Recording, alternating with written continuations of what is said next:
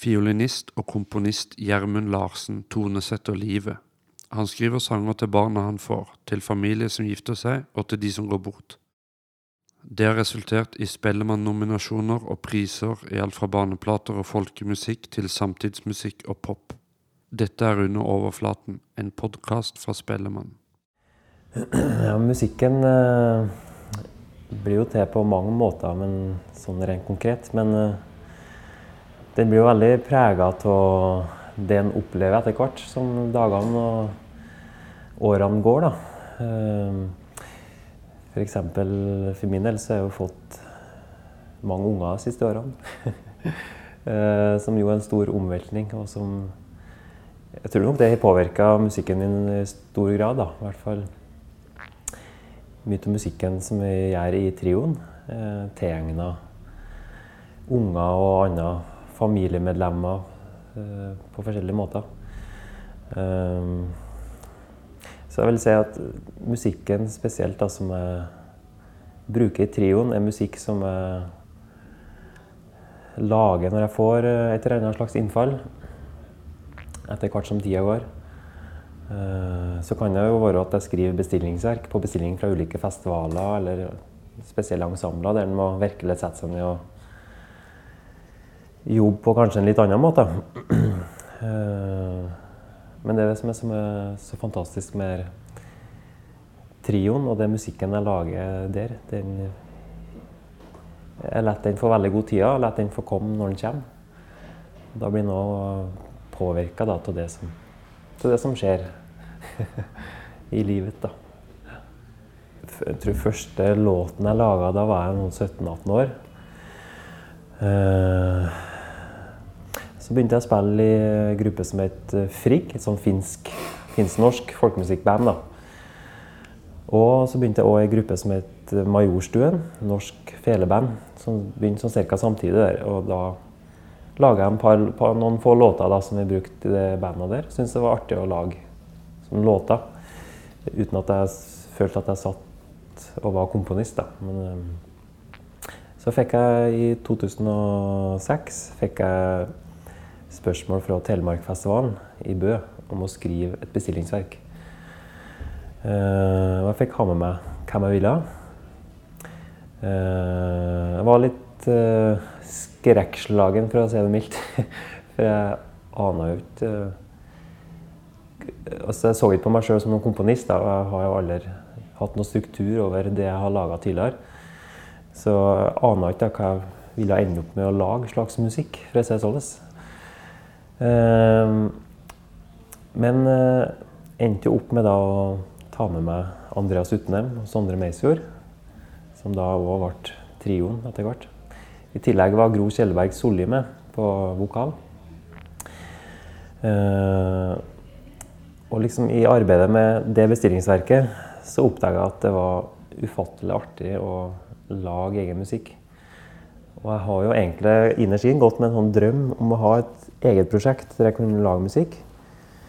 Um, ikke at jeg har drømt om det så lenge, men liksom etter at jeg begynte å studere på Musikkhøgskolen i 2002, så har liksom vikset seg sted og sted denne ønsket om å ha et sånn Om å lage liksom gjennomgående da, egen musikk. Ikke bruk tradmusikk. Tradmusikken brukte jeg jo alle slags andre sammenhenger. Så det, det liksom det var på en måte starten eh, i min komponistkarriere. Etter hvert så har jeg laga mye musikk til forskjellig ensemble og en del bestillingsverk. Men òg ja, mye musikk til trioen, da, som er på en måte vært det som har gått, gått igjen gjennom alle årene.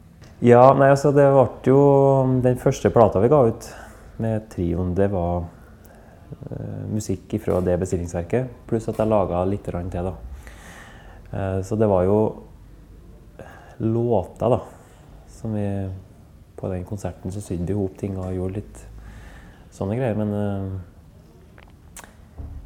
kalte verket 'Brytningstid', som på en måte symboliserte det at det gikk fra å være en musiker, folkemusiker som spilte veldig mye tradisjonell musikk, til et konsept der det var nesten i hvert fall stort sett nykomponert musikk. Vi brukte òg litt tradisjonell musikk. Tilegna Hilmar Aleksandersen, som er mitt store idol når det gjelder felespill. Han var fra Steinkjer. Fantastisk uh, musiker og spellemann. Så han var inspirasjonskilda og inngangen til dere. Uh, så en del av materialet har veldig sånn tradisjonspreg på seg, mens en del var òg da langt bort ifra det.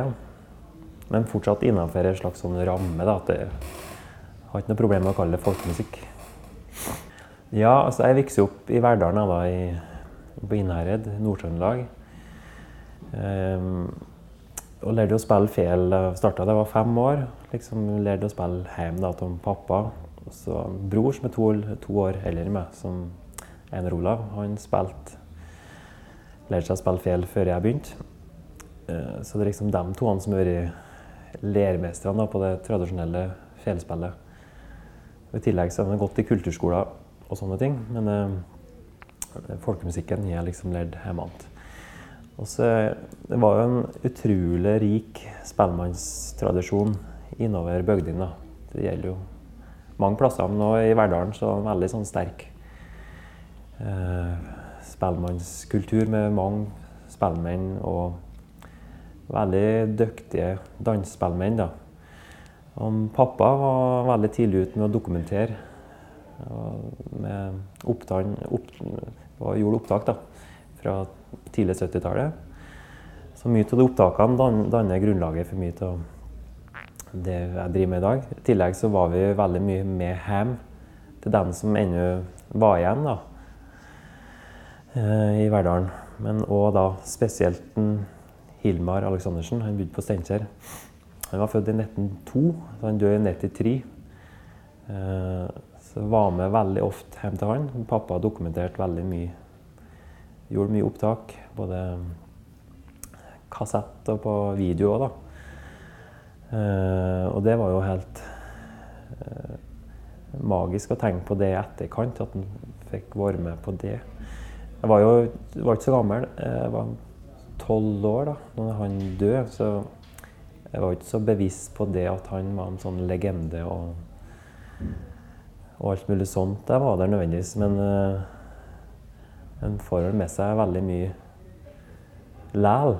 Og så er det jo Han Hilmar var både tradisjonsspillmann, han spilte uh, gammeldansslåtter, og han har et sånn repertoar som var enda eldre. Den gamle tonaliteten han har lært av foreldrene sine visetoner, utrolig mye vakker musikk. Uh, så han litt sånn perler, spilte litt sånn klassiske perler. Han spilte hardingfel. Han var liksom superallsidig da, innenfor folkemusikkfeltet. Og han hadde en enorm bra teknikk. Både venstre- og høyrehåndsteknikk var helt sånn suveren. Så han har på en måte vært et ideale, da. Eh, og det at en spellemann kan òg ha god teknikk. Sant? Og det å kunne gå opp i tredje posisjon og ha et sånt ideale tror jeg har vært veldig, veldig bra. Eh, mange av de andre spillmennene i, i bygdene var jo fantastiske eh, dansespillmenn. Og sånn utrolig mange av dem har veldig sånn unik spillstil. Men det var ikke så mange av dem som spilte så vakkert og som har sånn enormt teknisk overskudd. Men det er han Hilmar, da. Så det, så det, er på en måte to veldig ytterpunkt som jeg vokste opp med, og som jeg strekker meg mot. Både det er litt sånn ja, det er nærmest rock'n'roll når det er verstingene setter i gang med fel, når de spiller pols. det er så brutalt og tøft at det er helt vilt. Og så er det en Hilmar som spilte så ufattelig vakkert og rent og teknisk briljant. Så det som er ja, danner grunnlaget for den jeg er da, som musiker. De spilte fest, men samtidig så var det jo mye sosialt med det. De møttes og spilte hjem til hverandre og sånne sammenhenger. Men uh, de spilte jo mye til dans. Det var liksom dansmusikk. Det var jo bruksmusikk, mye av det. Uh, så spillet er òg veldig farga til det. da. Sånn rytmisk uh, Veldig tøft spill. Jeg ser jo på meg sjøl som en som fortsatt formidler tradisjonsmusikken. Men samtidig så syns jeg det er veldig viktig å, at den tradisjonsmusikken blir utvikla. Uh, og det kan gjøres på veldig mange måter. og det blir det jo gjort. Uh, så finner jeg min måte å gjøre det på. Og det er jo uh, Om jeg vet om hvor bevisst jeg har vært på det, det liksom det, når en skal begynne å lage Jeg har hatt veldig lyst til å komponere musikk.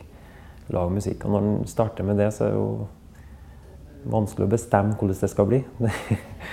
Det blir jo som det blir etter hvert. Farget av den, den, du er, og det du vokser opp med. Uh, så er det jo Jeg har jo vært så heldig at jeg har fått spilt med veldig mange forskjellige musikere fra mange sjangre opp gjennom tida, da, spesielt etter at jeg flytta til Oslo og begynte å studere folkemusikk. Alt ifra ja, folkemusikere fra andre slags land, selvsagt, men òg jazzmusikere, og improvisasjonsmusikere og klassiske musikere. Eh, så det så jeg liksom vært veldig Ikke vært noe restriktiv på å la sånne ting inspirere meg. Eh, så når jeg lager ny musikk, så er det så er ikke om å gjøre at det skal høres ut som en gammel slott. Men jeg er opptatt av å finne mitt eget uttrykk oppi dette. Eh, og det har jeg brukt litt tid på, men jeg syns det er veldig viktig. Og, det er jo det som er med mange av de spillemennene, at de har et sånn genuint uttrykk. Et sånn særegent uttrykk som er spesielt for dem. Selv om de kommer fra nabogårder, så liksom, hører du hvem som er hvem. Uh, så jeg har vært veldig på utkikk etter å finne hvem jeg er for noen, da. Oppi der. Uh, tradisjonsmusikken uh, som jeg vokste opp med, den den er jo liksom vært viktig å få under huden. Eh, men så har jeg ja, hatt veldig lyst til å ta steget videre og finne meg sjøl på en annen måte. Og føler at jeg på en måte klarer det. Og så er det jo, er det sånn som en slags utvikling der, som aldri stopper. I hvert fall syns jeg det er viktig at det får lov til å fortsette å utvikle seg. Men prøver, prøver hele tida å gjøre det. Så da er det jo sånn vei som en er ute og går på, da. men, eh, men, jeg syns at, at sjøl om jeg lager ny folkemusikk, om en kaller det så er det er med å formidle den tradisjonelle musikken. Jeg tror mange får øynene opp for det tradisjonelle via det nylaga ting. da, Nyarrangerte ting. Så det lever litt sånn si ved si, men uh, av og til så lager jeg ny musikk som er ganske langt unna det tradisjonelle. Men uh, jeg tror måten jeg spiller det på, gjør at det blir, det blir knytta i hop. Delvis er det en sånn hjemgjort teknikk som er farga av det spillmennene som jeg hørte på, som jeg prøvde å etterligne. Og så er det jo alt er avhengig av hvordan kropp og fysikken gir sjøl. Så i senere årene så har jeg øvd Syns det er veldig artig å øve på litt sånn barokkmusikk. Henta mye Prøvd å hente inn litt sånn tekniske ting derifra. Jeg oppdaga spesielt da jeg begynte å lage musikk sjøl, at det var en del ting jeg ville få til som jeg ikke fikk til. For jeg har ikke, jeg har ikke den teknikken. da. Så jeg har øvd en del sånne ting for å få til det jeg hatt lyst til å få til. Så jeg måtte liksom tatt steget ut eh, og lært meg nye tekniske ting etter at jeg begynte å lage musikk sjøl. For da har jeg ikke nok, nok eh, verktøy da, for å få til det, hvis man kan kalle det det. Ja, altså det har jo, vært en prosess siden jeg begynte å studere, for så vidt. at den hatt et litt sånn overordna mål om at en skal eh, Om jeg har øvd på noen barokkting eller noen andre klassiske ting, så er det ikke for at jeg skal kunne spille klass, det klassiske musikkstykket, men det, at jeg skal kunne bruke ting derifra inn i min musikk. Så det Det har egentlig vært en ganske lang prosess da, med å finne ut hva det er i bruk for, og hvordan jeg har lyst til å spille. Det er fortsatt er veldig viktig for meg at det at, jeg, at det blir min egen identitet. At jeg blander ting inn i spillstilen min. Da jeg skulle flytte til Oslo, så det var en onkel til meg som var litt sånn skeptisk. da. Han lurte på hva, hva det skulle bli til med tradisjonsmusikken. da. Jeg måtte ikke glemme av det, nei. Så det er jo et sånn generasjonsskifte, tror jeg. at En del som var Det var en periode at tradisjonsmusikken bare sto ikke så sterkt. sant? Så var det jo blitt gjort et veldig stort arbeid i forhold til å dokumentere. Og ting er jo tatt vare på. Så det er jo For oss som kommer i dag, så er det jo ei gullgruve som ligger der. Og det er jo veldig eh, Veldig Man skal kalle det lett, men det er i hvert fall lett tilgjengelig. da, og det er veldig liksom Det å fordype seg i tradisjon er jo veldig viktig for mange. Men samtidig så er det òg like viktig å lage et nytt uttrykk og det å uttrykke seg sjøl. Og, at vi som er musikere i dag, eh, kan love til å være musikere, gjør jo at vi har tida til å gå et steg videre. Uten at det nødvendigvis ødelegger tradisjonsmusikken. Da. Så jeg er ikke noe redd for, redd for tradisjonsmusikken min. da. Den er med meg, den. Det var en spellemann fra Verdalen, liksom, han Elev Kårenji. Levde midt på 1800-tallet. Som liksom var den beste spellemannen i distriktet. Så det var snakk om at han skulle over til Levanger, som nabokommune, altså, som ligger rett bare ja, et par kilometer til neste sentrum. Han skulle dit og spille på noe kappleik eller hva det var. et eller annet. Da var det liksom veldig sånn, ble det påpekt at han måtte ikke spille de beste slåttene, for da liksom kom de til å ta de beste slåttene. Som har et veldig sånn, sterkt forhold til låtene, hva som, hva som hørte hvor. Eh, og, og så, sånn som i dag, da, så vet du jo at slåttene har vandra spesielt i Verdalen over grensa til Sverige. De finnes i mange forskjellige varianter. Det var en del spellemenn som, som, ikke ville høre snakk om det.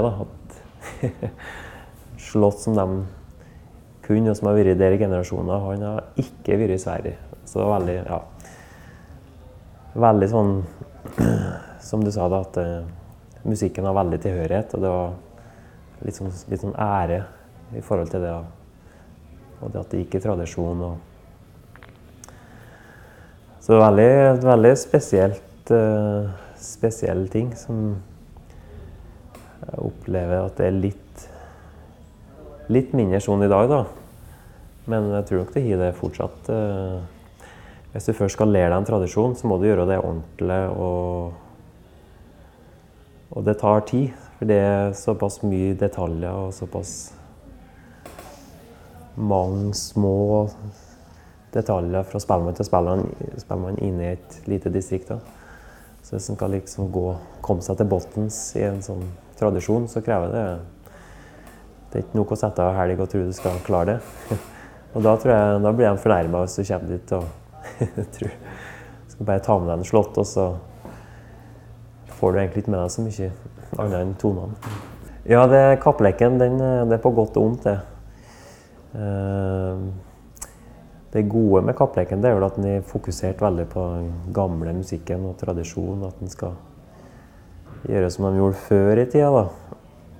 Om, om det er rett at de gjorde det, da peker den tilbake til vest alder. Om, det er rett å gjøre det, det vet jeg ikke, men Men uh, kappleken har fornya seg veldig òg de siste årene.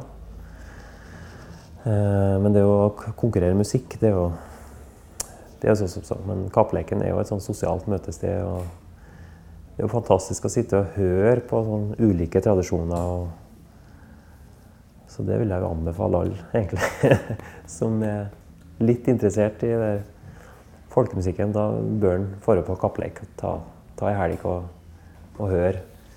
Det er fantastisk mye fint, og det er så mye, mye variasjon. Og det er så mye, mye flinke spellemenn. Både, det er jo med både proffe spellemenn, men òg er bønder og amatørene da, som òg holder et veldig høyt nivå. Så det, det er en blanding av at folk sånn som jeg, da, som vokser opp med tradisjonsmusikken, og så er det det at uh, noen oppdager folkemusikken via Ja Sånne band da, som blander Valkyrien Allstars eller Odd Nordstoga eller Gåt eller Hekla stålstrenger eller det jeg driver med, eller uh, Det er lettere å oppdage folkemusikken. Og det, folkemusikken er jo I dag er jo så, så mangt. Toucher mange sjangre. Det er liksom du kan Det er ikke så mange begrensninger, egentlig, da. Og så finner folk da veien inn til tradisjonsmusikk, og så vil de kanskje studere. Og så, så det er mange innfallsvinkler i dag. Mange flere innfallsvinkler enn før. Eh, så jeg tror det Så jeg tror det ser noe bra ut, tror jeg. Uten at jeg har helt oversikt. Men det, det er i hvert fall ikke noe sånn Ikke noe spesielt få unge utøvere i dag, i hvert fall. Det, Akkurat nå har jeg altfor mange prosjekt. til neste år så har jeg tre sånne store prosjekt som jeg skal lage musikk til. Som jeg begynte å tenke på. uh, og i tillegg så prøver jeg å liksom ha den trioen min da, som ligger liksom og vaker hele tida. Det kommer noen små drypp da, hele tida. Så det Ja, egentlig så er det veldig mye skriving ja, fremover. Og det er sånn at Når du blir nominert, så sier du at det er veldig at det er fantastisk å være nominert, men det er ikke så nøye om du får den eller ikke. Men det er jo klart, når du først får den prisen, så er det jo fantastisk eh, stas. Det er jo Det er jo kanskje den gjeveste prisen du får som musiker i, i Norge. Um, og det er jo det er liksom en stor anerkjennelse, og det er for den jobben du har gjort i lag med musikerne, og for det de lager. Eh, bruker jo ufattelig mye tid på å lage plat, selv om det liksom folk som bare setter på Spotify, og de kjøper ikke plata engang. Det er liksom så lett å få musikken. Men det, den prosessen med å lage musikk og gi ut en plat kan være ganske stor og tung. Eh, så da er det er det fantastisk å få sånn tilbakemelding og anerkjennes som en spellemannspris. Det er jo det beste som en kan få. Jeg er jo veldig dårlig på sånn sosiale medier og alt mulig sånt, men jeg registrerte meg på Facebook i forbindelse med utgivelsen. Først nå i 2016. Og så lasta jeg ned Spotify. Liksom. Ja, det var på tide, tenkte jeg. eh, og så Jeg så jo det at etter vi har spilt på Spellemannsprisen, så gjorde det et enormt bygst på Spotify over der monthly listeners. Er sånn enormt uh, sprang. Uh, så det var tydelig at det var Det har veldig mye å si.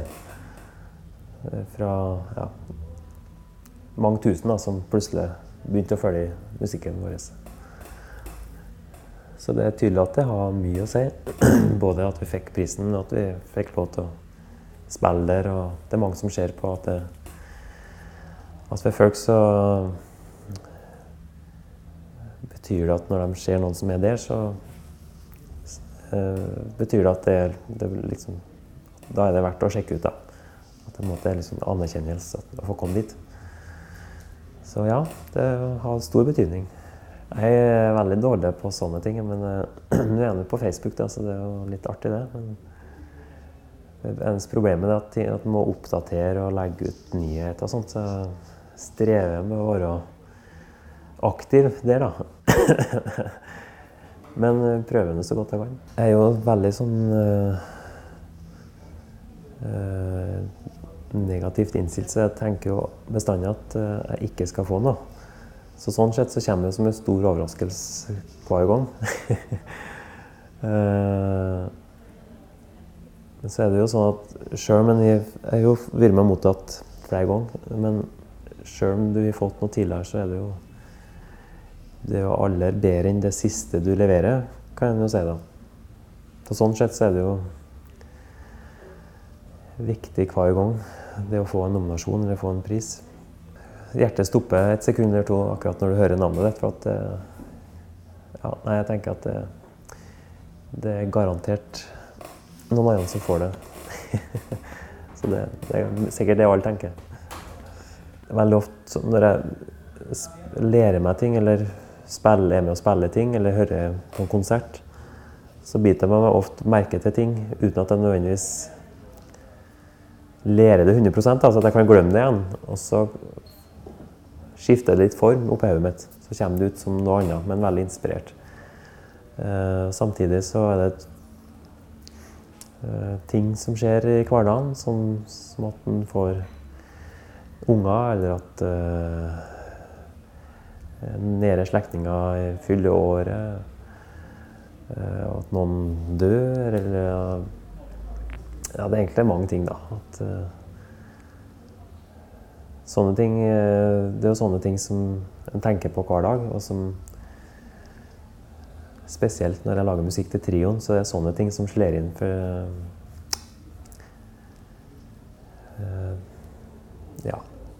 Da kommer det ofte små drypp nå og da som jeg tar med meg. Spiller inn på en mobil hvis jeg er ute og reiser og plutselig kommer på noe ut ifra et eller annet.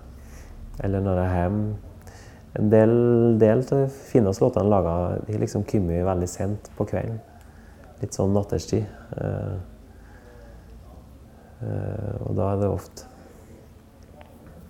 Kan sitte og Så hiver du liksom i bakhodet det at du har noen unger der som er som endelig nå sover. Så sitter du og spiller inn på piano eller på fela. Så. Ja, får en sånn egen stemning da, når en har sånne ting i bakhodet og ikke i en sånn tidsfrist. Et bestillingsverk eller Han har skuldrene litt lenger ned, og det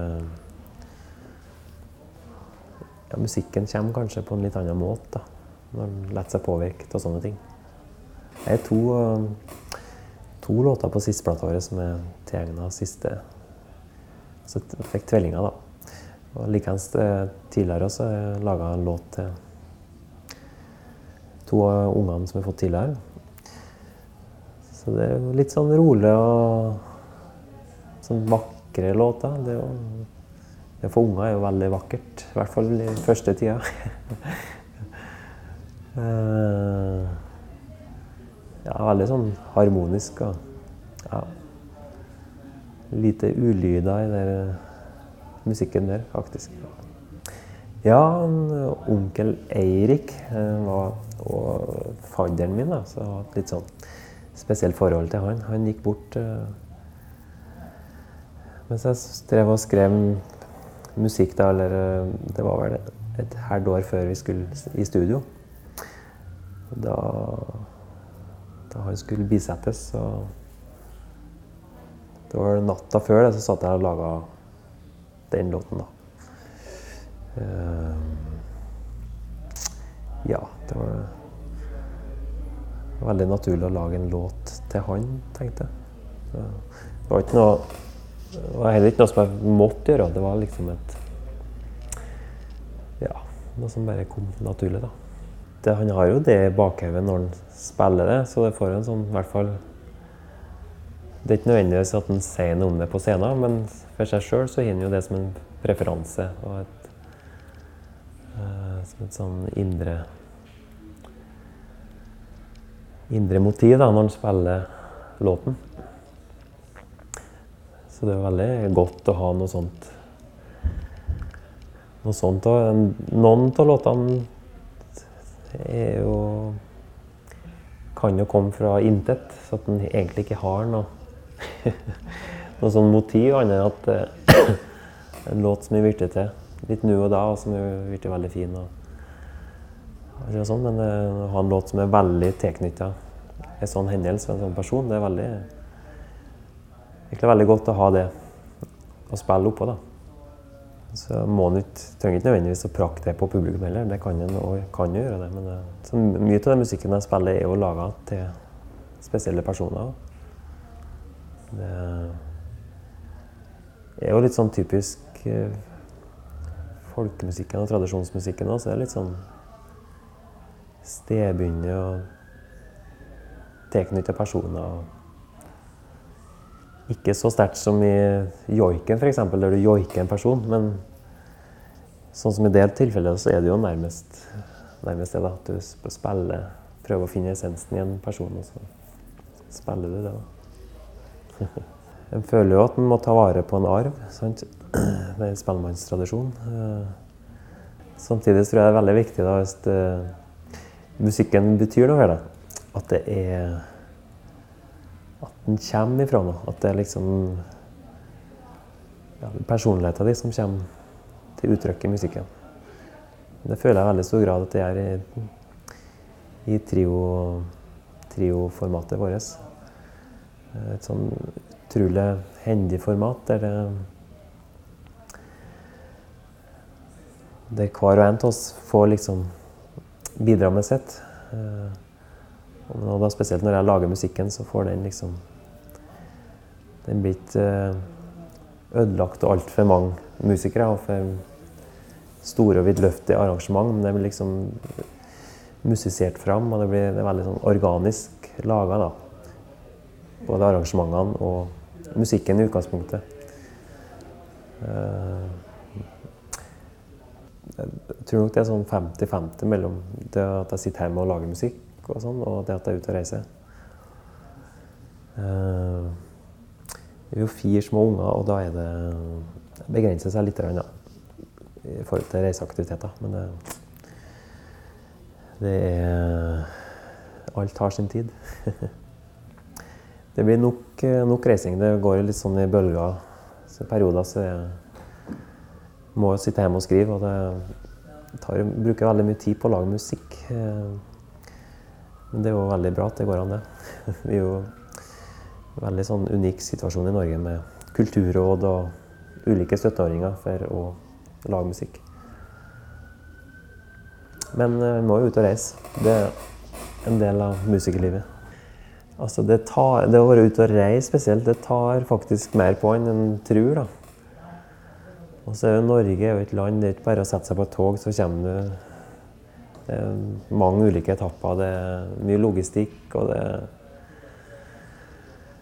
Ja, nei, det tar mye tid og energi, ikke minst. Eh, bare det å reise, da. Og så er en jo som regel med i mange ulike prosjekt, sånn at en er nødt til å Ja, det er liksom ikke Du er ikke du er ikke med i ett prosjekt der du kan jobbe, vet hva du skal spille. altså Det er bare å møte opp på jobb, og møte opp på jobb men du er nødt til å forberede deg til ulike prosjekt. Og, det, holde tunga rett i munnen, rett og slett. Jeg tror folk hører mer på musikk i dag enn tidligere. Men det er ikke nødvendigvis at en møter musikerne så ofte. Og liksom De store artistene i dag er jo sånne sånn Kygo, sånn som står med maskiner som har med en vokalist eller noe ja, Litt sånn annen, annen tid, sånn sett. Men samtidig så er det jo er det jo mange musikere ute på veien som, uh, som er ute og spiller. Og jeg syns spesielt det er givende å spille litt sånn mindre lokaler, spille akustisk.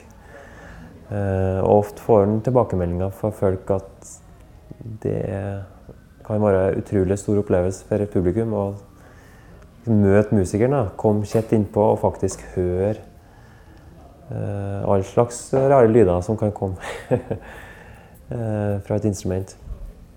Og at en òg ser hvordan kommunikasjonen foregår.